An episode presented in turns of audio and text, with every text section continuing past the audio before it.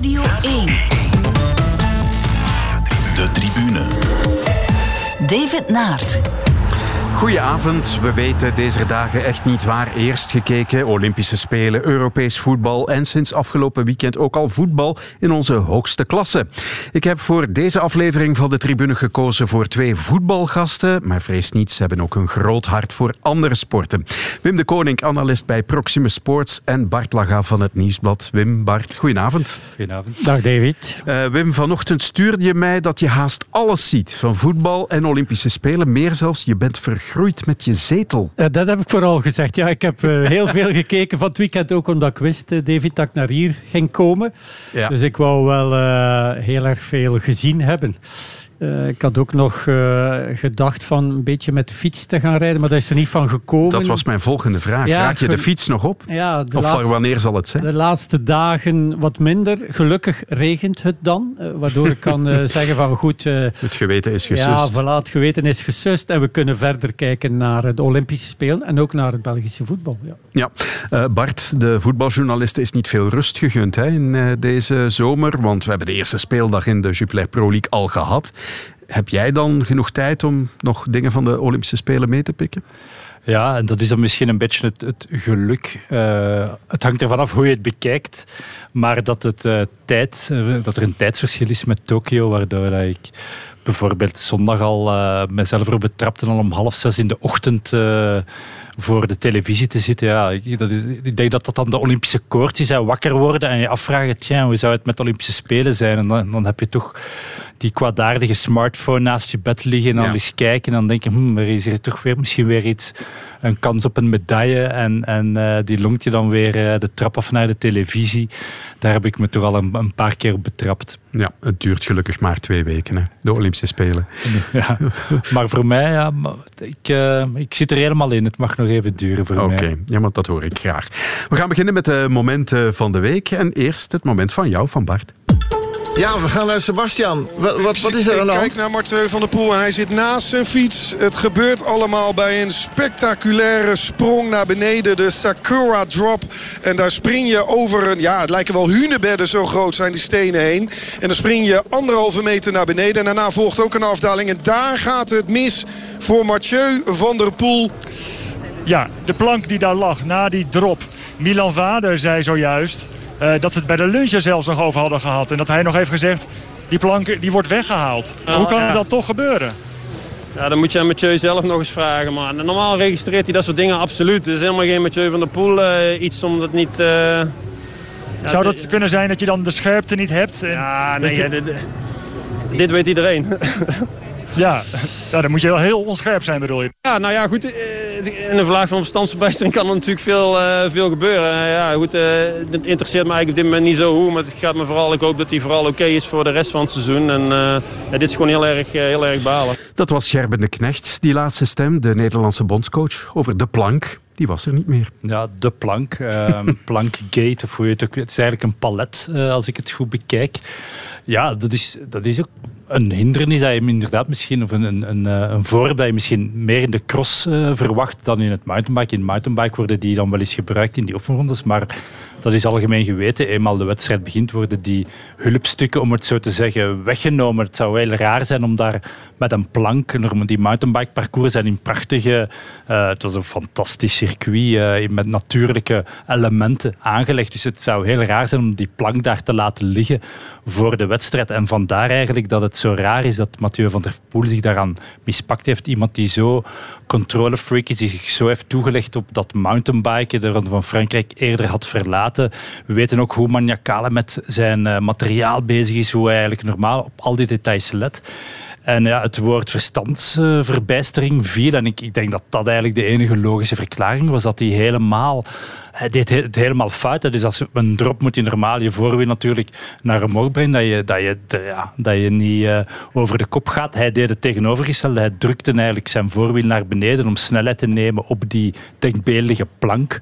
Um, ja, maar dat, en, en dat deed de... hij wel, hè? Dat deed hij wel, hè? Hij, hij, ging echt wel die plank af alsof ze daar zou liggen. Ja, ja in de denkbeeldige plank, zoals je ja, zegt. Ja, met, met zijn voorwiel uh, naar beneden. Vandaar dat hij zo'n geweldige val maakt natuurlijk. Natuurlijk. Ja, absoluut. En, en, en, vandaar dat ik zeg, het kan alleen maar ja, zinsverbijstering zijn dat hij even helemaal dacht dat hij er nog wel lag. Ehm, terwijl ja, het was gewoon een drop. Dat is gewoon een, een totaal technisch ander gegeven in de mountainbike. Maar dan nog, zoals je zelf zegt, is het toch haast niet te verklaren. Mathieu van der Poel, die we op en top kennen, die zich zo na die eerste toerweek volledig had gefocust op dit event waar hij de gouden medaille ging winnen.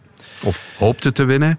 Hij was ook volgens Sven Nijs zichzelf niet. Uh, oordeelt Sven dan op basis van de beelden die hij ziet. Maar hij was bijvoorbeeld ook relatief laat afgereisd naar Japan. Hè?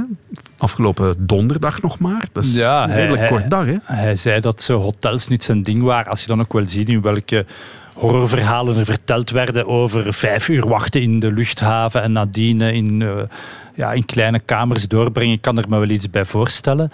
Um, het testevent heeft hij ook wel gedaan, dus hij was wel, wel wat voorbereid. Uh, misschien over concentratie, ja. maar het is gewoon gissen. Um, laat inderdaad blij zijn dat hij er niks ernstigers aan heeft uh, overgehouden. Klopt, want gelukkig geen breuken. Dit ja. kan, ja, als je echt op je nek valt, dit kan heel ernstige gevolgen hebben. Of die heup. Uh, of de heup. Um, dat is het belangrijkste, denk ik. En uh, ja, er wordt meteen al vooruitgekeken naar de volgende Olympische Spelen op, op Nederland. Zeggen ze, ja, misschien lukt het dan binnen drie jaar. Ja. Maar goed, ja, dan ziet het deelnemersveld er misschien weer helemaal anders uit. Of dan rijdt Tom Pitcock misschien nog altijd mee ja, in de mountainbike. Ja, en ik denk eigenlijk eerlijk gezegd dat zelfs de beste van der Poel niet opgewassen was tegen deze Pitcock. Hoe hij reed, hoe soepel die stijl, hoe vlot, um, technisch ook alles perfect, ontspannen op die fiets. Um, ja, hij, is, hij, heeft dat ooit gezegd uh, na een van zijn eerste, en dat hebben we hier toen ook op de tribune besproken, een van zijn eerste wereldbekers zei, zei hij van ja, ik ben geboren om te mountainbiken. En dat zie je echt als hij op die fiets zit. En dan zelfs echte volwaardige mountainbikers die in zijn spoor gingen, die, die, ja, die, die bijna technische fouten begonnen te maken om, om hem te kunnen volgen. Ja. Dat, dat, zegt eigenlijk alles. Het rare is wel dat Mathieu wel verklaard heeft, blijkbaar. We hebben het hem niet horen verklaren, maar dat wordt toch in de pers overgenomen, dat hij echt niet wist dat die plank daar zou weg zijn. Hij heeft dat wel verklaard. Hè. Heeft hij dan toch nog een beetje hersenschudding of zo opgelopen achteraf. Hè. Mhm. Terwijl Gerben de Knecht zegt, ja, honderd keer heb ik het hem gezegd. Hè. En het is altijd zo dat ze die plank wegnemen. Ook op de testevent hebben ze die plank weggenomen. Dus eigenlijk... Uh, was het misschien zelfs niet nodig om het hem te zeggen. Dat die ja. plank zou weggenomen worden, ja. omdat het altijd gebeurt. Alle andere deelnemers weten dan wel, dat die plank er niet ligt. Dus ja, ik denk, de fout, de fout ligt gewoon bij Mathieu van der Poel. En uh, ja, als hij zegt van ik dacht dat hij er lag, ja, dan, dan, dan moet er echt een, een circuit in zijn hersenen eventjes zijn. En dat zal dan misschien ook een soort van Olympische koord ja. zijn geweest. Of kan hij moeilijk toegeven, David, dat, dat hij ja, die hindernis eigenlijk verkeerd heeft aangepakt, technisch. Want iedereen sprong, zoals je zegt Bart, met het voorwiel omhoog. En hij gaat met zijn voorwiel eerst. Hè. Um, dus ja, dat hij gewoon een fout gemaakt heeft. Ja, je moet bij een sprong je, je wiel, je ja, nu ook niet heel, heel hoog brengen. Je moet, ja. je moet nog altijd wel... Uh, maar hij moet wel landen op dat achterwiel. Ja. En hij is, is, geland op dat voorwiel. Ja. Ik wil nog even naar de winnaar, Tom Pitcock. Uh, net als Mathieu van der Poel en Wout van Aert is dat ook een alleskunner die volgende maand debuteert in een grote ronde, de Ronde van Spanje. Vorige week hadden we Michel Wuits in de tribune. Die kijkt daar al enorm naar uit. Ja, en je zou verminderen natuurlijk, hè, wat hij allemaal klaar speelt op zo'n korte tijd ook wel. Hè. Niet onderschatten toch, sleutelbeenbreuk in juni. Ja. ja, jonge 20 En inderdaad, 21. die sleutelbeenbreuk. Ja, ja. Uh, probeer, dat, probeer dat maar eens. Hè. Dan toch in zo'n uh, zware wedstrijd waar dat sleutelbeen toch echt wel ook heel erg belast wordt. Uh, om daar zo sterk uit te komen en zo zelfzeker uh, dit te gaan doen. Ja. Hij kan uh, cyclocrossen, hij kan klimmen, hij kan mountainbiken. Hij kon niet sprinten, zei hij voor het seizoen, maar in Kuurne-Brussel-Kuurne sprintte nee. hij derde in een groepssprint met allemaal rappe mannen.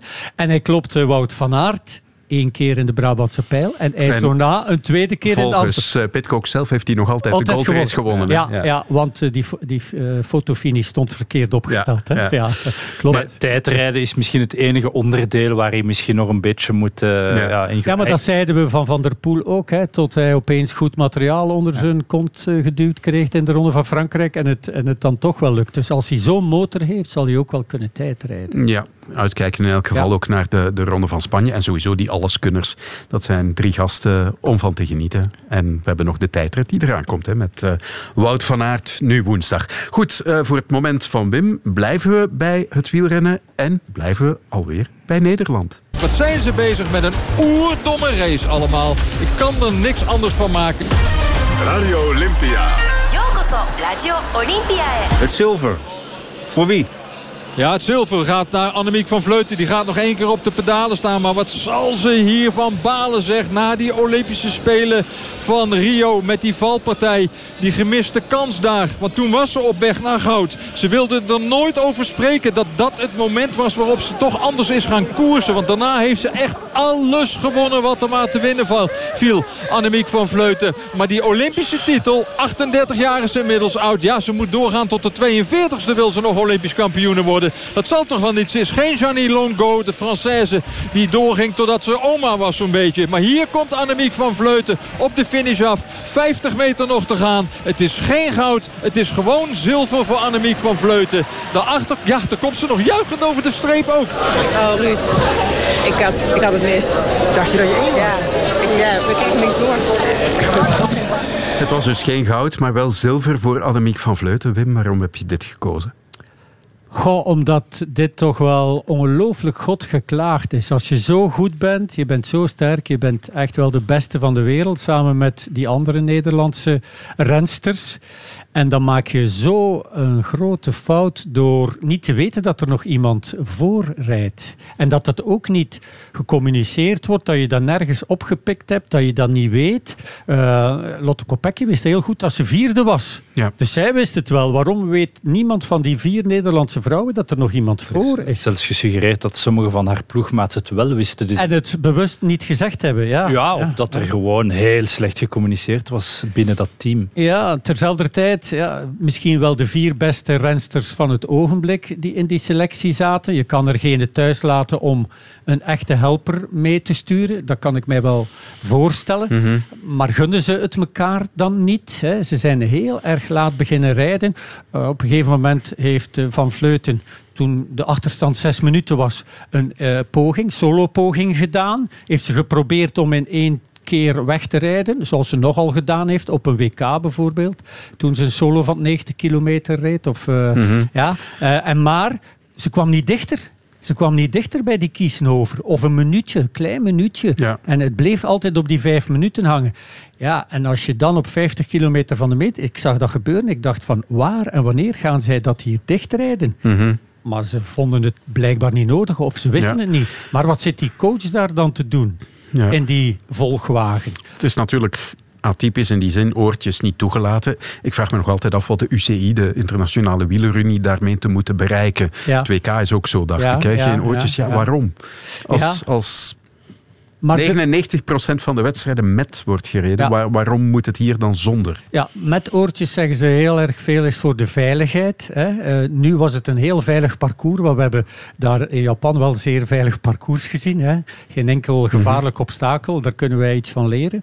Uh, maar ja, er zijn heel veel andere mogelijkheden wat mij betreft om toch informatie over te brengen. Het is niet zo dat er niet eens niemand zich terug laat zakken tot, tot de volgwagen om een drankbus te mhm. nemen. Of, uh, of dat er eens uh, aan een rem moet uh, iets gedaan worden. Ik zeg maar iets. Ja. Dat moet toch allemaal mogelijk zijn. Het is toch echt wel ja, zij vond het zelf amateuristisch dat er niet met oortjes werd gereden. Mhm. Maar het is ook heel erg amateuristisch van die vier dames dat zij zich zo in de luren hebben laten leggen. En wat ik dan nog zo ontluisterend vond, was dat ze heel erg cool reageerde toen het haar eh, daagde. Toen het duidelijk werd dat ze dus gejuicht had voor iedereen en dat ze dacht dat ze Olympisch kampioen was. En ja, ze, ze leek niet echt ontgoocheld, maar is dat echt of was dat gespeeld? Dat, dat, was zoiets van. Wat was wel haar laatste kans misschien om Olympisch kampioen te worden. Oké, ze heeft alles gewonnen. Het is de beste wielrenster van de laatste jaren veruit.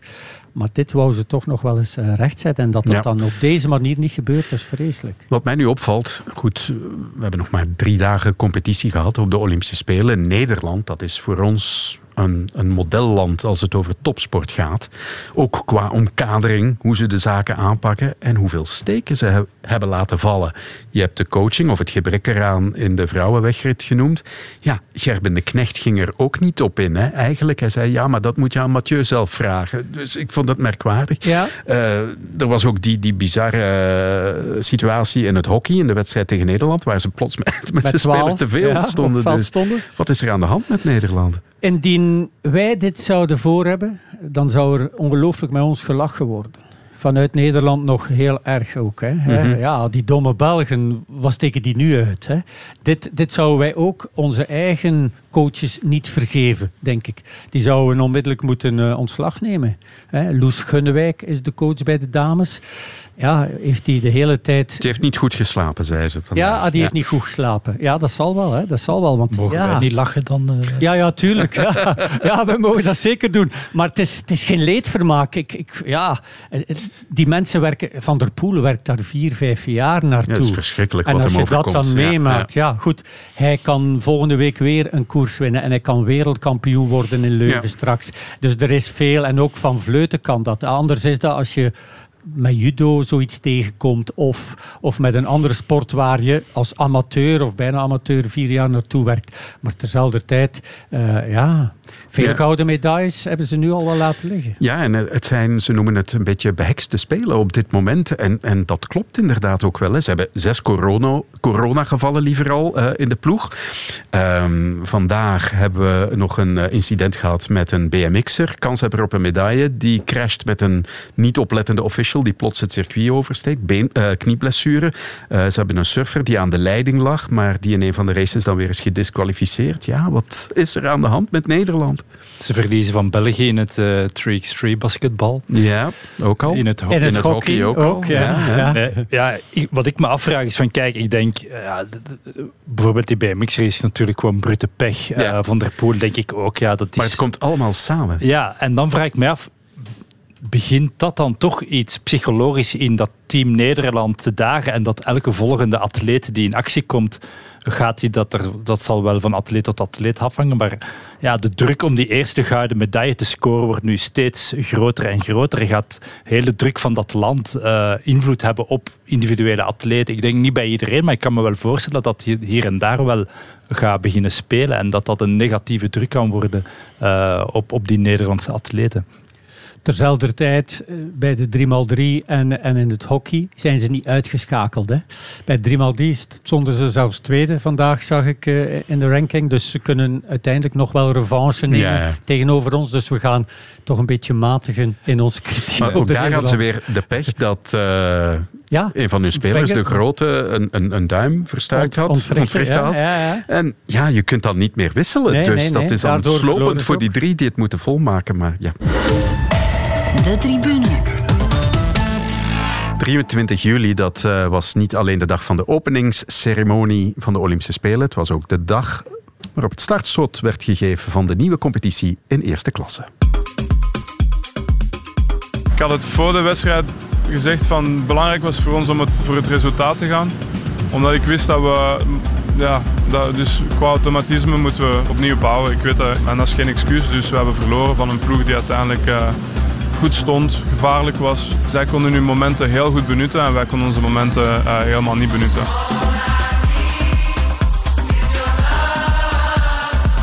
In een paar minuten tijd is het uh, veld echt wel herschapen. Niet echt in een modderpoel, maar de bal rolt niet meer. Maar uh, Alexander Boucault, die zijn teken was duidelijk. Geen voetbal meer op het kiel vanavond tussen Beerschot en Cercle Brugge.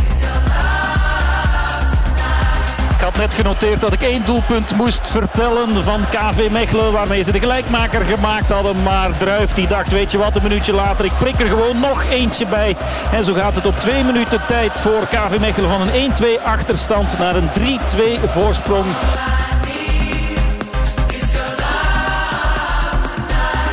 Club Brugge tegen Eupen. We zitten in de toegevoegde tijd nu, denk ik, Simon.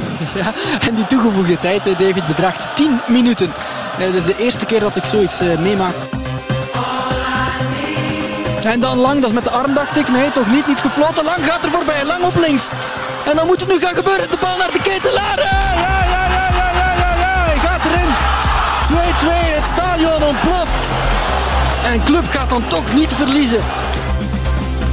En zo werd het uh, toch nog een bewogen eerste speeldag, moet ik zeggen, in uh, de hoogste klasse. Uh, vorige week hadden we Philippe Clément in de tribune. Hij maakte zijn beklag dat we in België erin geslaagd zijn om de competitie nog een week vroeger te doen beginnen dan gebruikelijk. En dat we nog maar eens een competitie van 40 speeldagen moeten afhaspelen. Bart, hoe kijk jij ernaar als voetbaljournalist dan? Ja, als voetbaljournalist die, die uh, ook net in vakantie is geweest en dan uh, onmiddellijk... Maar niet lang genoeg uh, wellicht. Nee, nee. nee hoor, voor mij mag het al, elke week voetbal zijn. Maar ja, als je dan toch ziet dat ehm, wij de enige zijn die er al aan beginnen en uh, dat de transfermarkt in veel andere landen eigenlijk nog moet beginnen. Um, dan zie je ook ja, dat het niet verwonderlijk is dat, uh, dat je gekke uitslagen krijgt in, in die eerste speeldagen. Want uh, welke teams doen het goed? Dat zijn de teams die eigenlijk kunnen voortgaan op het elan van vorig jaar. En dan gek genoeg Eupen bijvoorbeeld. Wij hebben die bij het Nieuwsblad als voorlaatste gepronosticeerd. Waarom? Omdat we dus weten dat Qatar, hè, het is, het is een, een team-eigendom van een land. Uh, we gaan het er straks nog over hebben, over Qatar.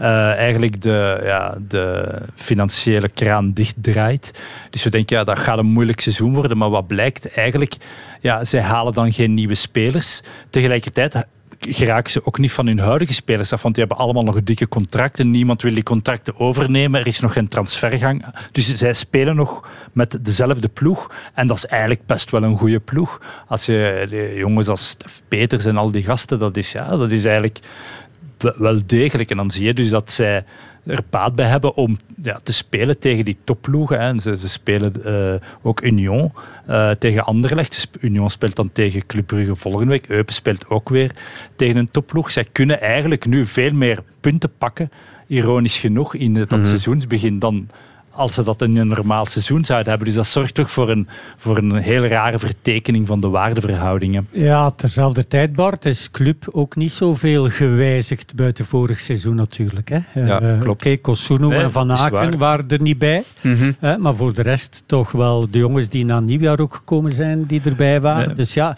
uiteindelijk... Uh, is het knap wat Eupen deed. En niet vergeten, ze hadden ook een goede keeper gisteren. Een ja. beetje een speciale, hè, die heel veel tijd heeft gewonnen en krampen had. Heb jij als keeper ooit krampen ja. gehad, ja. toch? Ja, ik wou Want daar toch... daar is veel sceptisch over. Leg dat eens uit, hoe dat kan. Mijn eerste wedstrijden in eerste klasse, drie, vier eerste wedstrijden in eerste klasse, had ik krampen. Uh, je kent jezelf nog niet zo goed. Ik was ook maar 19 jaar. Je doet een ongelooflijk uh, goede opwarming, eigenlijk een training. Je, je hebt die extra tonus, spanning in de al van ochtends of misschien al van de avond voordien, zonder dat je dat goed beseft. Tussendoor stond ik ook altijd te springen, nog zo als ze aan de overkant waren, toch uh, bezig blijven. Uh, en, en opeens krijg je na een uur of na 70 minuten, oh, een krampscheut als keeper.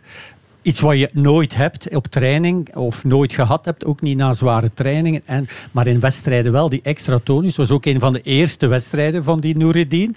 Uh, het was geen komedie wat die gast speelde, want hij weet ook wel dat dat het publiek opjut, dat dat uh, ja, op den duur... Dat is natuurlijk wel in combinatie met andere vormen Vorm, van ja, tijdrekken ja, die er al bij waren. Ja, zeker, maar is lang bij En saves waren ook geweldig, ja, hè, voor ja, alle ja, zeker, zeker, want dat wordt een beetje vergeten. Uh, ook met die helm op dan nog. Een heel, heel speciaal figuur. Maar ik kan heel erg goed geloven dat hij krampen had. En er zijn weinig keepers die ooit krampen ja. gehad hebben. Maar het heeft wel te maken met, met uh, debuut en eerste ja. wedstrijden enzovoort. Er is ja. natuurlijk veel te doen over die 10 minuten toegevoegde tijd. Waren er eigenlijk 13, hè, want kwamen er nog eens drie bij. Al een geluk voor Club Brugge, want toen viel het doelpunt. Er wordt gezegd, ja, de scheidsrechter laat spelen tot Club Brugge scoorde. Wat vonden jullie zelf van uh, die 10 minuten toegevoegde tijd? Ja, we hebben het, en ik denk dat ook jullie bij Sportza het ook heel mooi hebben uitgerekend. Um, dan klopt dat eigenlijk wel, dat optelsommetje. Want je hebt... Uh, je hebt nu meer wisselmomenten dan vroeger. Je kan, uh, ja, elke ploeg kan, kan vijf wissels doen. Elke wissel wordt een halve minuut al aangerekend. Mm -hmm. uh, zo had je er al vijf, geloof ik, in niet. Dat is al tweeënhalve minuut. Uh, dan had je een VAR-interventie die lang duurde. Dan wordt echt ja. gewoon gekeken van wat is de reële tijd dat er niet gevoetbald wordt. Dan zat je ook al aan drie minuten. Dan zit je al aan vijf en een half. Daar moet je dan nog eens die blessurebehandelingen bij tellen. Um, En dan reken je nog niet eens het tijdrekken mee, waarvoor je eigenlijk ook nog uh, extra tijd voor zou kunnen aanrekenen. Dus Mhm. eigenlijk kan je zeggen van ja, het, er valt iets voor te zeggen. Uh, alleen, um, het is dan uiteindelijk 13 minuten, omdat er dan nog eens een extra blessurebehandeling is enzovoort in die, in die toegevoegde tijd. Alleen zien we natuurlijk in de praktijk dat dat heel weinig toegepast wordt. Dus het zal, het zal me wel benieuwen en ons allemaal of we dat nu vaker gaan zien. Uh, ja. Toegevoegde tijd in de dubbele ja. cijfers. Ja, stel u voor, hè, tien wissels, dat is vijf minuten. Ja. Hè, langs twee kanten vijf wissels. Dat is, dat is, eigenlijk zouden er altijd dan vijf minuten ja, maar moeten zijn, bij. Er zijn ja, geen vijf wisselmomenten. Nee, maar, uh, ah, nee, er zijn maar drie wisselmomenten. Inderdaad, ja. klopt. Ja. Dus dat is zeker al, altijd drie minuten. VAR-moment is er in België bijna ook altijd. Mm -hmm. Om niet te zeggen, ja. Daar wordt zelden naar gekeken hoeveel tijd dat uh, wegneemt. Ja. Uh, en ik denk ook dat zonder publiek, als het het vorig seizoen was geweest, dat uh, Bram van Driessen nooit 10 minuten had bijgeteld. Mm -hmm. Want ook die druk van het publiek in Brugge was daar nu weer. En ik vind Ja. het goed hè, dat er 10 minuten is bijgeteld, want dat was echt wel terecht. En die drie minuten, goed, in die 10 minuten uh, is hij ook nog eens blijven liggen, Ja. uh, de keeper. Dus uiteindelijk klopt dat wel. Ja. Maar in de praktijk ja, hebben we dat nog bijna nooit gezien. Hè? En gaan we dat misschien Ja. ook wel nooit meer zien. Er, er gaan nu stemmen op. Oké, laten we het niet zo ver laten komen. En eh, is het niet beter om te werken met eh, twee keer 30 minuten effectieve speeltijd? Is dat de, de wonderbaarlijke oplossing? Ik, ik denk het persoonlijk niet. De FIFA heeft daar inderdaad testen over gedaan. Men is daar redelijk positief over. Van de andere kant denk ik, en bijvoorbeeld het basketbal leert ons dat, waar je, waar je dus een klok hebt die stopt. Er bestaan wel, voor, er bestaan wel twintig andere manieren om het tempo uit de wedstrijd te halen. Er is altijd wel één ploeg die er baat bij heeft om het tempo uit de wedstrijd te halen. En je kan dan gewoon tergend lang wachten om de bal opnieuw in het spel te brengen. Je kan ook die blessure behandelen. Je kan je, kan, uh, je laten liggen op, op bepaalde momenten. Um, ik, ik weet niet of dat eigenlijk de, de, de, de oplossing is uh, mm -hmm. voor het probleem. Ik zie een andere oplossing en dat is bijvoorbeeld wat het tijdrekken betreft, sneller geel geven. Um, daar heeft men vrij lang mee gewacht uh, in Brugge gisteren. Ja. ja, dat is altijd zo. Hè. Als je de eerste helft, want ook wordt er soms de eerste helft tijd gerekt al.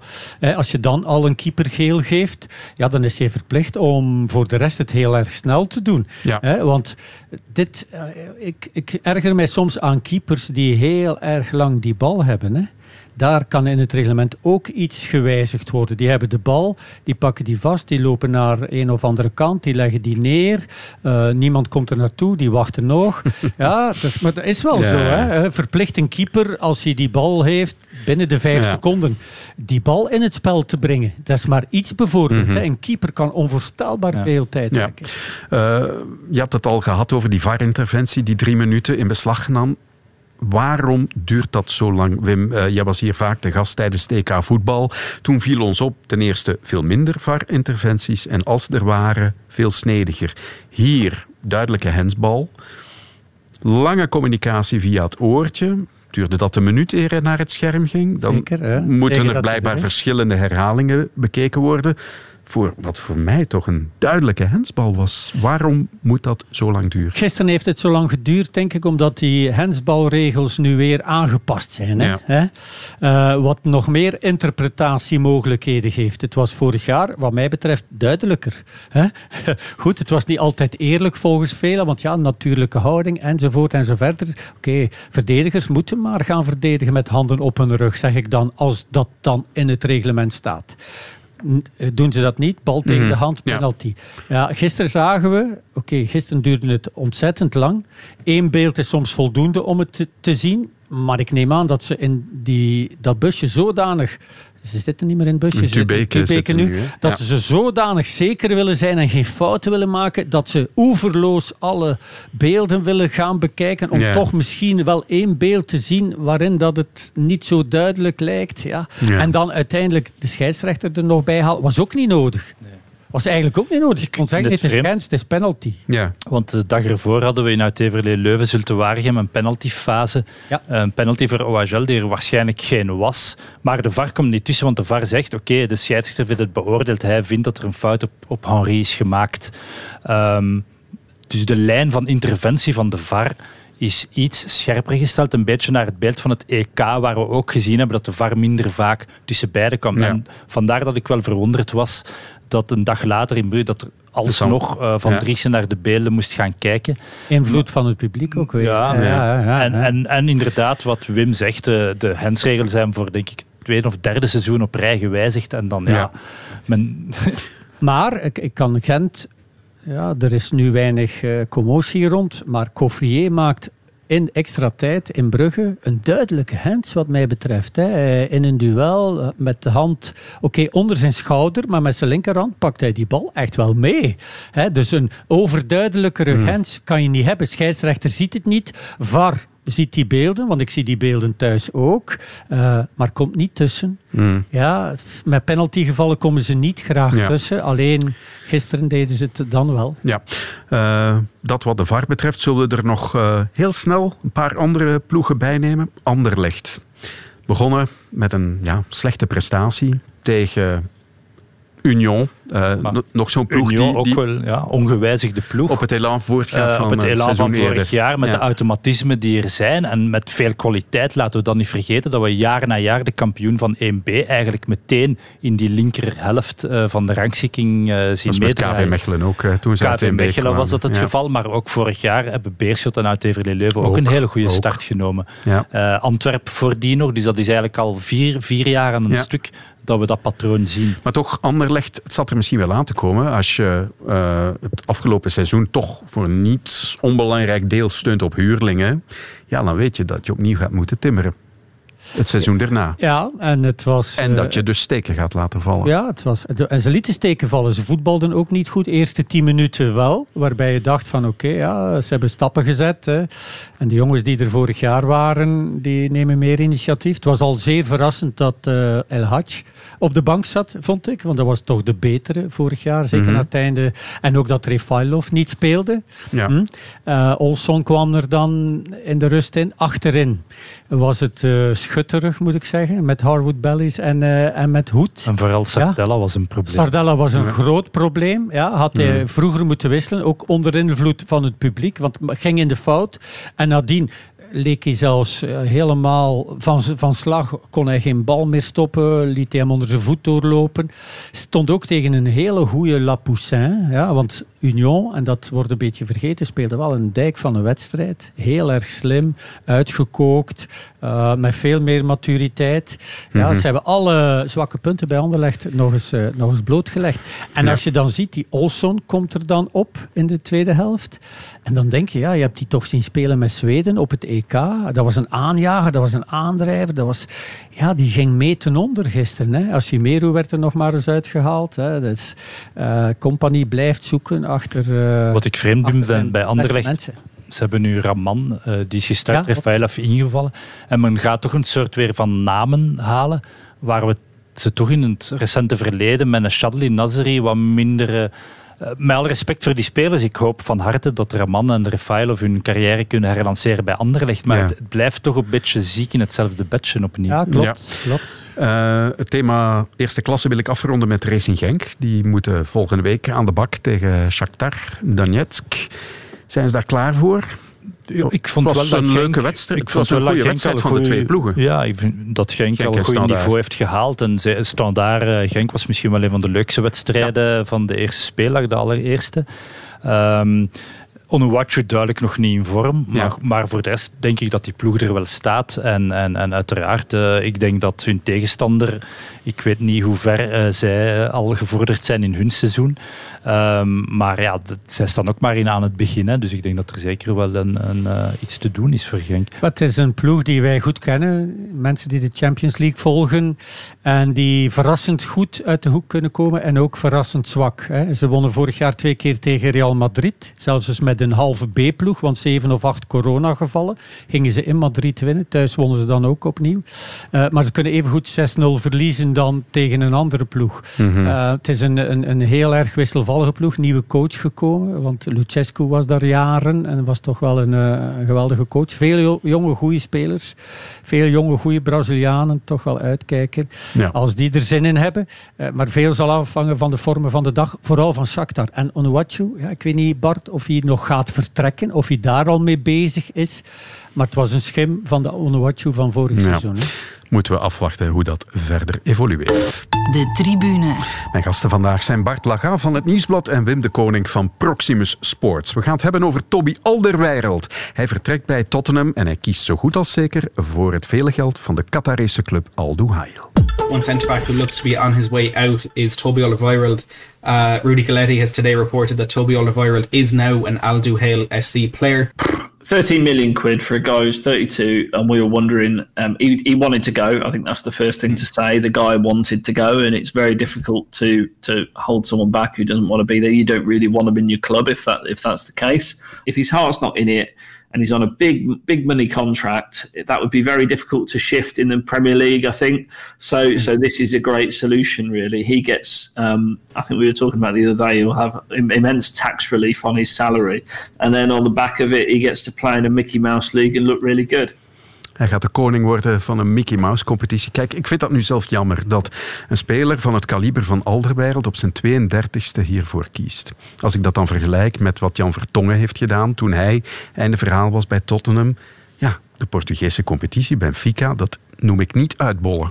Nee, en ook Vermalen heeft dat niet gedaan in Japan. Dat hebben we gezien in, op het EK en in zijn wedstrijd met de nationale ploeg. De vraag is natuurlijk, gaat hij daar zijn niveau houden? En is het ook over en out voor hem voor de nationale ploeg? Maar Mhm. blijkbaar heeft hij daar misschien ook wel al een punt achter gezet ergens. En kiest hij alleen maar ja, voor het dikke, vette contract. Hè. Het is duidelijk een keuze voor het geld. Of eh, hij toekomst heeft bij de nationale ploeg, wel, ja, dat zal dan waarschijnlijk blijken in de volgende wedstrijden. Ehm 32 is jong, vooral omdat wij zien natuurlijk Toby Alderweireld net als de jongere schakel in een reeds vrij gevorderd eh, qua leeftijd dan verdediging van België. Eh, met, met Vertongen Alderweireld was dan, eh, en Vermalen was eigenlijk onze beste drie op het EK. De jongste schakel daarvan gaat nu ja, uitbollen, om het zo te Mhm. zeggen. Ehm, ik denk dat, ik dat veel mensen het niet verwacht hadden van Toby Alderweireld, omdat hij ja, heeft de kathedraal, de Onze Lieve Vrouw kathedraal op zijn arm eh, getatoeëerd. Het, hij leek een man die die, die, die die keuzes niet zou maken. Maar ja, goed, als jij op de 32e die aanbieding voor drie jaar kunt tekenen van eh 3 miljoen euro om en bij netto zou hij dan per jaar eh, eventueel kunnen verdienen. Ehm, ja, dat is dan eh, iets waar je wel in overweging neemt. En hij heeft daar de keuze gemaakt van ik doe dit. Hij zal er de gevolgen moeten bijnemen. En natuurlijk is dat jammer, ja, want hij, hij hij gaat er, het niveau in Qatar is niet goed. Ehm, is, is minder goed dan, dan China Ja. of Japan, waar dan eh, sorry, waar Vermalen eh, in Japan speelt, of, of Witzel in, in China heeft gezeten. Ja, het klankje dat we hoorden kwam van een supportersite eh, van Tottenham Hotspur. En daar spraken ze van 200.000 pond per week in Qatar. Dus misschien is het nog wel meer. maar het is toch niet dat hij nu niets verdiende. 175.000 euro per week. Dat is dan niet genoeg. Nee, blijkbaar niet. Hè. Blijkbaar niet. Hij zal waarschijnlijk eh, zich eh, meten aan de andere spelers van de nationale ploeg die ook in Engeland spelen. En, en ja, zal nog één Maar vooral keer... dat je dan de sportieve ambitie Ja. toch laat varen. Ja, want het is een Mickey Mouse competitie. Ja, klopt. Hè, klopt hè. Eh, hij moet die keuze maken en hij kiest daar dan voor. Ehm, sportief is het, is het geen geweldige keuze. Voor de rest van zijn leven misschien wel. Goed, heeft ook kinderen en zo. Naar kinder gaan is toch een, eh, een vreselijke stap. Maar ik wil ook het ethische aspect erbij halen. En eh, mijn collega Tom van den Bulke tweette daar eh, afgelopen weekend heel pertinent over. Eh, met een, een verwijzing naar de zogezegde actie van de Rode Duivels in een kwalificatiewedstrijd. Waar ze met een t-shirt kwamen pronken om de, de mensenrechten in Qatar en de problemen er rond aan te kaarten.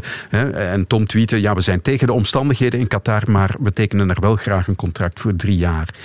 Ja, stop dan met... eh, Met die t-shirt. ja, en met die flauwekul. Ja, tuurlijk. Stop Ja, toch met die tuurlijk. flauwekul. Maar het is ook zo natuurlijk, en dat zal dan de uitleg zijn, dat eh, de voetbalbond zegt niet van ja, we boycotten hier eh, het WK in Qatar, want ze gaan er straks allemaal spelen. Maar dat, in dat, dat kun je van die spelers ook niet verwachten, vind ik. Het zijn niet de spelers die dat WK hebben toegewezen Nee, maar- maar aan Qatar. wat ze en, nu en als daar is- problemen rond zijn, dan moeten wij, ook vanuit de pers misschien zelfs mee, op het moment dat die toewijzing gebeurt, dan moet je je roeren. Maar je, kunt, je, hoeft nu niet van die spelers te verwachten dat ze dat gaan doen. Maar als ze dan toch met een actie komen, ja, dan moet je wel consequent handelen toch wel. En dan ga je Ja. toch niet tekenen op je Het discours, 32e. ja, maar het discours is nu dat zij zien zich als een soort missionarissen die Ja, zeggen ja. van omdat wij daar gaan voetballen, trekken wij aandacht op het probleem en gaan we het probleem oplossen. Dat is nu... Ja, zo werkt dat is, ja. Ik geloof daar ook niet in. Ik vind dat ook een beetje een naïeve Jacques voorstelling. Rogge zei bij de Olympische Spelen in Peking ook dat alles ten goede ging veranderen in China. En we zien waar we nu staan. Hè. Inderdaad, dus ik vind dat ook een beetje, maar dat is wel de realiteit. Ook niet vergeten dat de Belgische Voetbalbond heeft een sponsor, een bouwsponsor, Basics, die belangrijke projecten heeft Mhm. in Qatar. Dus de, de Voetbalbond kon het zich ook niet permitteren om radicaal standpunt tegen Qatar in te nemen. Ja. Van de andere kant heeft Basics dan weer eh, een programma waarin zij ook zeggen van kijk, bij ons de contracten en de mensen die bij ons in onderaanneming werken, werken in goede omstandigheden. Ja, je, je komt maar dan je begrijpt toch terecht. wat ik bedoel. Het, het, de uitbollende voetballers in de woestijn, dat is geen Ja, nieuw gegeven. dat gaat al een hele tijd mee. Maar nu, ja, dit Maar- voelt toch niet lekker. Oké, David, maar Thomas Meunier heeft jarenlang bij Paris Saint-Germain gespeeld. En Mhm. wat is nu het verschil tussen Paris Saint-Germain, eigendom van Qatar, en Al Duhail, eigendom van de broer van, overigens, van de Je hebt voorzitter helemaal van Paris gelijk. Het, Saint-Germain. het enige is dat je daar nog op niveau voetbalt. Ja, en oké, en dat is een sportieve discussie, daar vind ik het ook heel jammer. Maar het ethische, oké, ik ben akkoord. Hè. Voor mij had het WK helemaal niet. En wij zullen de eerste zijn om kritische vragen te stellen. En dat is de kracht van journalistiek, om vragen te kunnen stellen ambetante vragen te kunnen stellen. En dat zullen we blijven doen. Maar je kan niet ah, nu Toby Alderweireld viseren als ook ja, zoveel andere. Bayern München heeft ook een hele nauwe samenwerking met Qatar. En dan zijn er nog al die andere eh, ploegen in onze Jupiler Pro League die ook Mhm. eigendom zijn van... eh, Ja. ja. Oké. Eupen, Eupen Maar- niet meer, hè, zei Ja, je er net. ja. hè. De geldkraan is dichtgedraaid. Ja, voilà. maar, maar, maar iemand van jullie zei me net voor de uitzending ook... eh, ja, dat Qatarese voetbal stelt nog minder voor dan dat in de omringende landen. Dus sportief is het echt... eh, dat wordt gezegd, ja. Ze zijn allemaal, al die ploegen zijn uitgeschakeld in de eerste ronde van de Aziatische Champions League de voorbije jaren. Dus het gaat er niet meer zo goed. Eh, Het niveau is bijvoorbeeld hoger in Dubai en nog hoger in Saudi-Arabië, is wat mij wordt gezegd. Want ik ben voor alle duidelijkheid ook geen kenner. Ehm, ja, wie weet gaat Toby Alderweireld daar nu voor de ommekeer zorgen. Maar zijn voorganger daar, Benatia, die nog bij Juventus en Bayern München heeft gespeeld, kwam daar ook op zijn 32e toe. Men dacht ook, ja, die gaat hier eh, fantastisch zijn. De koning in de Mickey Mouse League. Maar bleek dat het helemaal niet zo is, want het trainingsregime is helemaal anders. Er wordt s'avonds getraind op een heel andere manier. Sommige spelers hebben nu eenmaal veel training nodig. Dan moet je heel veel zelfdiscipline hebben om dat niveau aan te houden. Misschien heeft Toby Alderweireld dat wel. Dat denk ik ook nog wel, Dat ja. hij een harde werker is en laten we hopen dat hij wel dat niveau voor de nationale ploeg toch nog even kan ja, aanhouden. want dat is mijn laatste vraag rond dit thema. Hoe moet het daar nu verder met de Rode Duivels? Dat wordt, dat wordt moeilijk voor Alderweireld. Maar goed, dat vonden wij ook van eh Witzel toen hij naar China ging. Hè. Eh, iedereen zei van ja, dat niveau dat gaat hij nooit meer halen. Heeft dat toch altijd eh, goed kunnen wegsteken dat hij daar speelde. Integendeel zelfs. Hij is sterk teruggekomen en nog, eh, nu nog. Hè. Hij speelt in Duitsland nu. Niemand had ooit verwacht dat hij die stap terug nog zou maken. Goed, Alderweireld zal dat niet meer doen. Tenzij hij na zes maanden ja, zodanig veel heimwee heeft en dat het geld niet alles vergoedt en dat hij dat doorkrijgt en dat hij dan denkt van ja, misschien moet ik toch nog wel echt gaan voetballen. Want echt voetballen zal nu al- alleen nog kunnen bij de nationale ploeg. Maar of hij daar dan nog scherp en sterk genoeg voor is, dat moet afwacht, afgewacht worden. Want ook op het EK was hij niet de grote uitblinker. Hè. Eh, Mhm. Zag je toch al, en dat zien ze in Engeland ook, daarom laten ze hem ook wel gaan, want ze krijgen er nog wel wat geld voor. Hè. Wat is 13 miljoen euro Ja, ja. of zo? Ja, en Eh, mogelijk zelfs 15 ja, miljoen en, wordt nu en al ook, gezegd. En Ja. Nuno Espirito Santo, de nieuwe coach, ziet dit ook niet echt Ja, in hem zitten want- blijkbaar. Dus dat zal allemaal wel meespelen. In het fragment werd gezegd dat hij zelf wilde vertrekken, maar voor alle duidelijkheid, het was vooral Tottenham die hem buiten de uitgang duurde. Ja, voilà. Ja, ja, ja. Ja. Oké. Zullen we het over leukere dingen hebben? De Olympische Spelen. De tribune.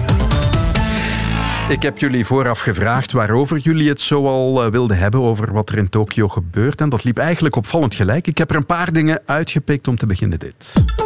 Teamfinale overmorgen voor de Belgen. Uh, nog nooit gebeurd. Een Belgische ploeg in het turnen die naar de teamfinale gaat. Ze hebben dan ook uh, ongelooflijk goed gepresteerd en eindigen voorlopig als vijfde in de teamfinale. Voor onder andere het team van Groot-Brittannië, het team van Italië. Dat hebben ze ongelooflijk goed gedaan. Het ging ietsje minder uh, aan de sprong. Nog eens zeggen met Lisa Valen, die, ja, waar toch echt wel op gerekend werd bij de Belgen voor de sprong, maar die daar wat minder presteerde. En Maëlys Brassard, die ook heel diep de landing maakte. Maar dat maakte ze ruimschoots goed uh, op de balk en op de brug. Hè. Op de balk hebben ze het ook allemaal heel goed gedaan. Zeker ook die jonge Jutta Verkest. Nog 16 moet hij worden. De jongste Belgische Olympier en ook de jongste gymnaste die daar uh, aanwezig is in Tokio. Jutta, jouw glimlach is prachtig om te zien. Heb je je geamuseerd? Ja, ik heb me enorm geamuseerd. Ja, ik ben gewoon echt super blij dat we het ge hebben gedaan en hoe dat is uitgelopen. En dan ja, die finale als team, dat is echt zot. En een allround finale voor jou ook? en zo hoor je dat ze jong blijven, maar het is toch onwaarschijnlijk wat die op die leeftijd presteren. Hè? Ja, het, het, contrast tussen precies dat je met je buurmeisje aan het praten bent, uh, tegenover dan een prestatie die we helemaal niet kunnen onderschatten. Want we spreken hier over waarschijnlijk een van de wereldwijd meest beoefende sporten van de wereld, de gymnastiek, waarin jarenlang in elke Olympiade alleen de toplanden meedoen. Hè. In België zal het dus morgen opnemen tegen en China en Rusland en de Verenigde Staten en Japan en Frankrijk en, en daar dan België bij. Um, ja, dat is iets van een... En ja, dan moet ik toch altijd terugdenken aan een onderwerp dat we hier ook op de tribune besproken hebben, dan het grote turnschandaal en wat te mhm. doen met onze Franse topcoaches.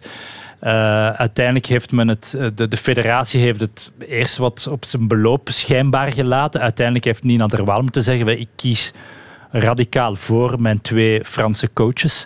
En ja, dan moet je zeggen, op sportief vlak, ja, dat is de juiste keuze. Dit is een, een Daarmee zeggen we natuurlijk nog altijd niks over al het andere, want ik vind het nog altijd jammer dat die twee zaken wat vermengd zijn geweest met elkaar. Maar op sportief vlak is wat hier gepresteerd wordt echt uitzonderlijk. Hè. En ook dat die drie andere meisjes daarin worden meegenomen en ook die prestaties neerzetten. Hè. Het is dus niet alleen Nina Terwaal. Dat, dat vind ik het sterke. Nee, en vooral het is onverwacht. Hè. Eh, er waren heel wat uh, medailles aangekondigd hè, door een aantal toppers. Uh, hier in België. Maar dat deze turnploeg, oké, okay, Nina Derwaal wel, maar die moet goud pakken uh, op die brug met ongelijke leggers. Dat kan niet Ja, maar anders. ze heeft die twijfels wel Weg... van zich afgesprongen ja, ja, op zeker. die brug. Hè? Want ja, die waren er ze... wel met die Fit Challenge. Ja, die, ja, het was niet oké. Okay. En welke gedaan, oefening dan? Ja, ja. Geweldig en nu haalt ze haar hoogste score op ja, de brug. Ja, dus dat is... Allee, tekenend dat het misschien wel naar die gouden medaille kan gaan. Dus dat zou al geweldig zijn. Maar vooral dat die drie anderen daarin meegetrokken worden. Ja. En vooral, zoals Bart zegt, ja. ja. wat er allemaal rond te doen was met die Franse coaches. En zo zie je, topsport is maakbaar. Hè?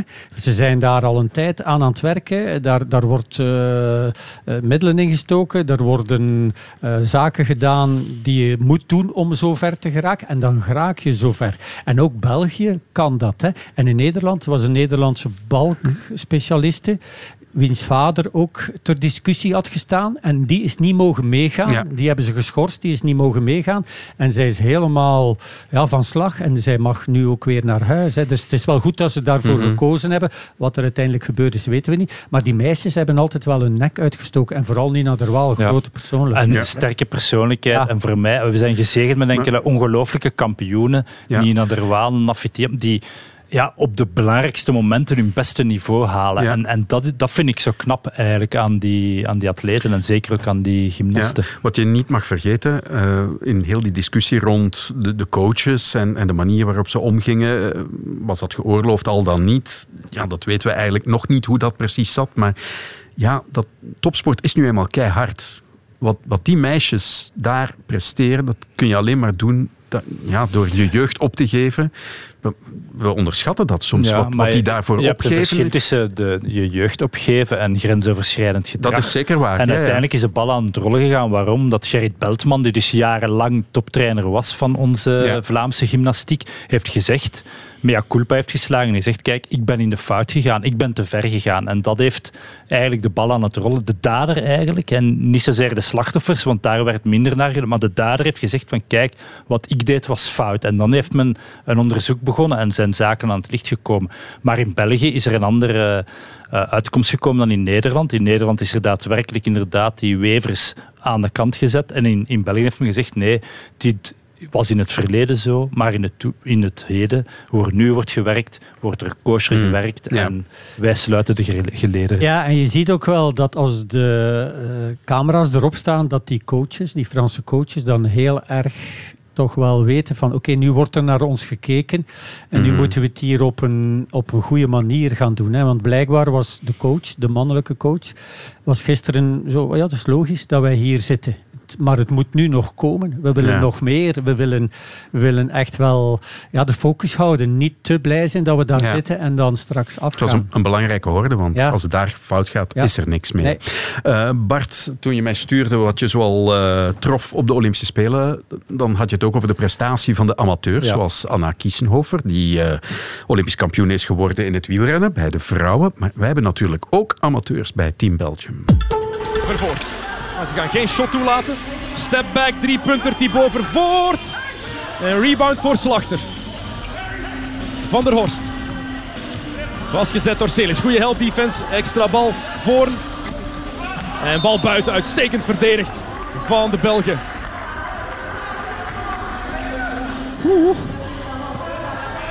Klamme handjes hier in de commentaarscabine. Vervoort. De twee punten en gooit hem binnen. De Belgen winnen van Nederland.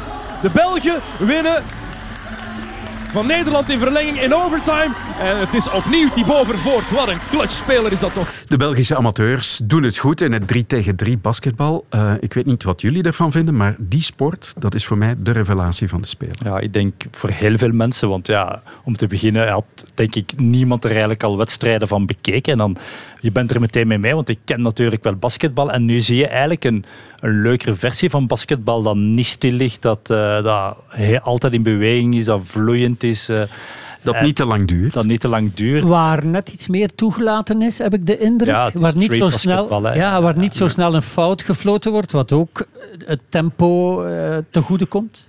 Fysie, heel fysiek ook, hè? want ik, ik, ik, hou er wel van eigenlijk. Uh, Celis dan ook de bezieler en de notaris en de boekhouder en die alles regelt, de, de manager.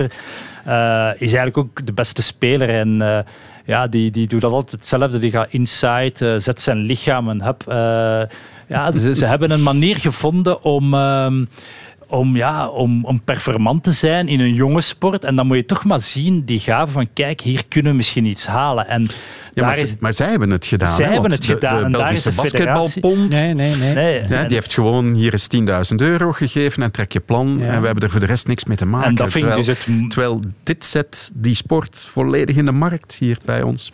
En ook, ja, het is zo spannend om naar te kijken. Je zit op het puntje van je stoel. Ik zit mee te supporteren. Het gaat zodanig snel.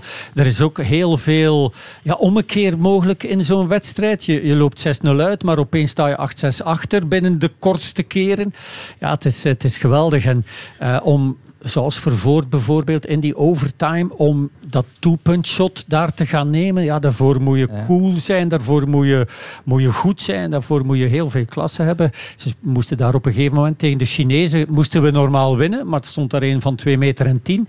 En die maakten het heel erg moeilijk, verloren we dan tegen. En dan moet je tegen die Nederlanders. Of je mag naar huis. Ja, Terwijl maar die Belgen zijn dus wel de enige amateurs in heel dat gezelschap. dat maakt het zo mooi. er wordt wel eens gezegd van, ja, wat, wat is dat nu? Spelers uit de tweede klasse en, en zij, zij wanen zich Olympisch. Maar ja, nee.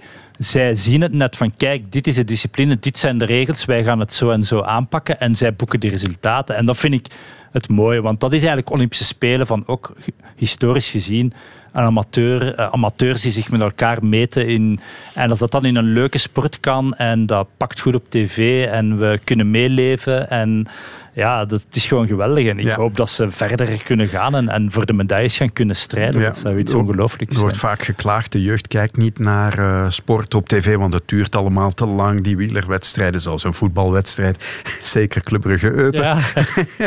maar ja, dit is het dan misschien wel, hè? Om uh, toch een, een connectie te bouwen tussen de jeugd en de Olympische Spelen. Maar zelfs wij, oudere mensen, zijn wild van die ja, basket prachtig, 3 tegen 3. Een schitterend, schitterend stadionnetje. Spijtig dat daar geen volk zit. Ja, dat, dat zou, het helemaal dat zou het zijn. helemaal maken.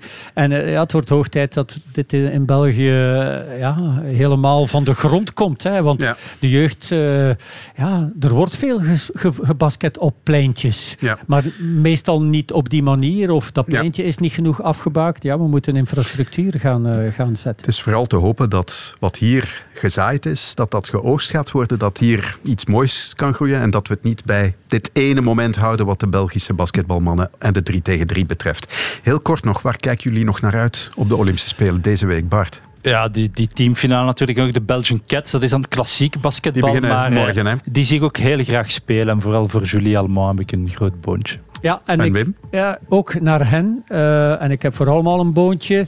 En vooral daar is ook naartoe gewerkt. Hè. Topsport is maakbaar, zei ik net. Ja. Hopelijk halen we daar iets geweldigs uit. Als je de American, de USA ziet spelen, ja, die werken er niet naartoe. Okay. Ja, en die verliezen dan. En hopelijk kunnen wij met de Belgian Cats iets speciaals doen. Oké, okay, dat hoop ik ook. Ik uh, verwijs graag nog door naar onze dagelijkse Olympische tribune. Daarin blikt Jonathan met de penningen elke namiddag met twee gasten terug op de belangrijkste Olympische verhalen van de dag. En volgende maandag, 2 augustus, ben ik er weer met een maandagse aflevering van de tribune. Tot dan. Weet meer, voel meer. Volg alle wedstrijden en meer in de vernieuwde Sportsa-app. Download hem nu in de App Store of via Google Play.